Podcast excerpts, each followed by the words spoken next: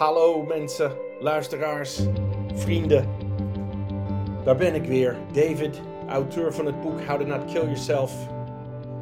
En, en we zijn er nog. En we hebben nog zin in het leven. Dat is heel fijn om te kunnen melden dat ik me goed voel en stabiel voel. En gelukkig voel. En energiek voel. Ik hoop, ik hoop jullie ook. Vandaag, uh, vandaag wil ik het daarover hebben eigenlijk. Ah, eerst even wat, wat achtergrond, verhaaltje. Uh, toen ik depressief was, en dan bedoel ik systematisch depressief. En dat is ongeveer, nou laten we zeggen, negen maanden geleden, jaar geleden zeker, dat ik om de week, eigenlijk elke week, een paar dagen had waarin ik super donker was. Nou, in die momenten, toen het zo slecht met mij ging, had ik altijd één veilige haven.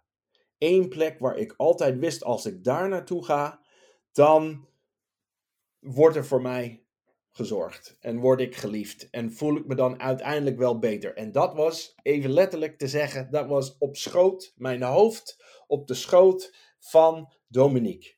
Mijn vriendin, mijn partner, mijn minnares, mijn steun en alles.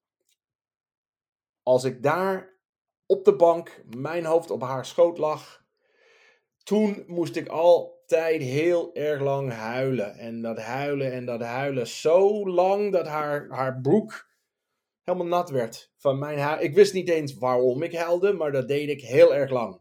En zij was zo lief om bij mij te blijven, om naar me te luisteren. Eigenlijk hebben we niet gepraat. Ze heeft gewoon een paar medita of uh, massagetechnieks die ze gebruikte op mijn, op mijn hoofd om mij rustig te laten voelen. En dat werkte altijd. Soms heeft ze zo lang gezeten dat toen ik dan ineens bewoog, zei ze: Ik moet plassen, maar ik wilde je niet storen. Zo lief is ze en was ze toen.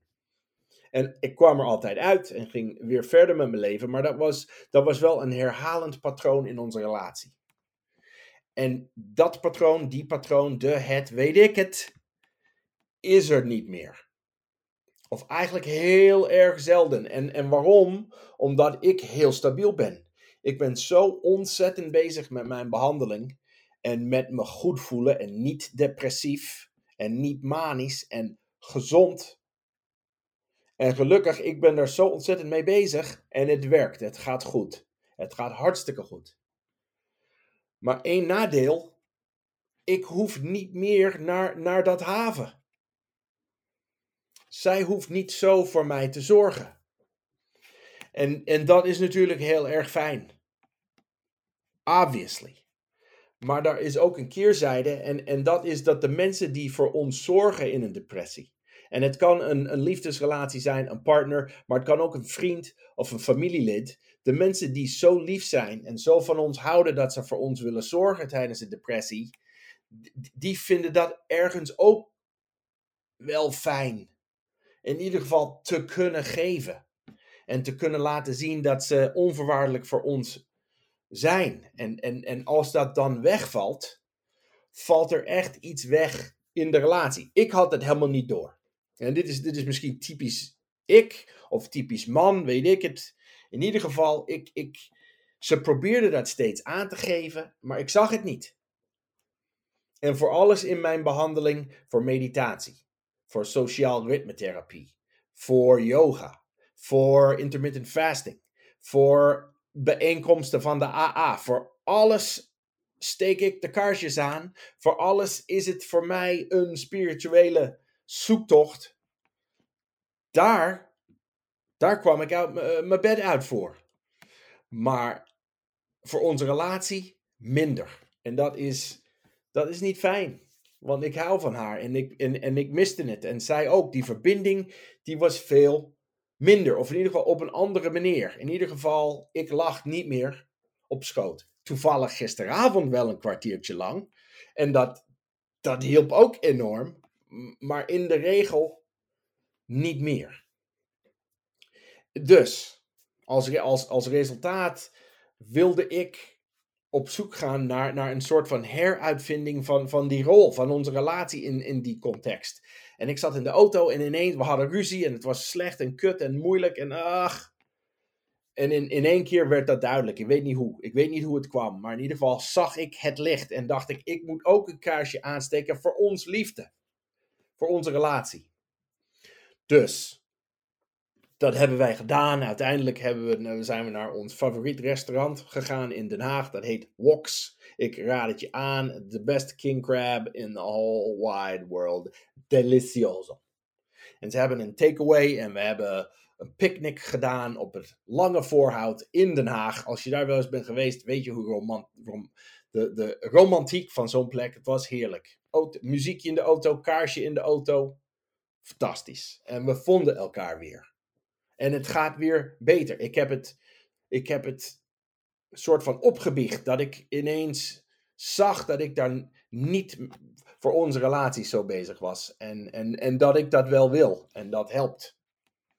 Dus even, even om, om het wat praktischer te maken voor, voor jou als luisteraar. Als je iemand bent die af en toe of die regelmatig worstelt met depressie en je wordt dan beter en je bent minder depressief en je bent meer stabiel, weet ik 100 miljoen procent zeker dat er iemand is in jouw leven die denkt: Goh, eigenlijk stiekem mis ik dat een beetje. Nou, mijn, mijn, mijn tip voor vandaag, herken het, erken het. Erken dat het zo gaat.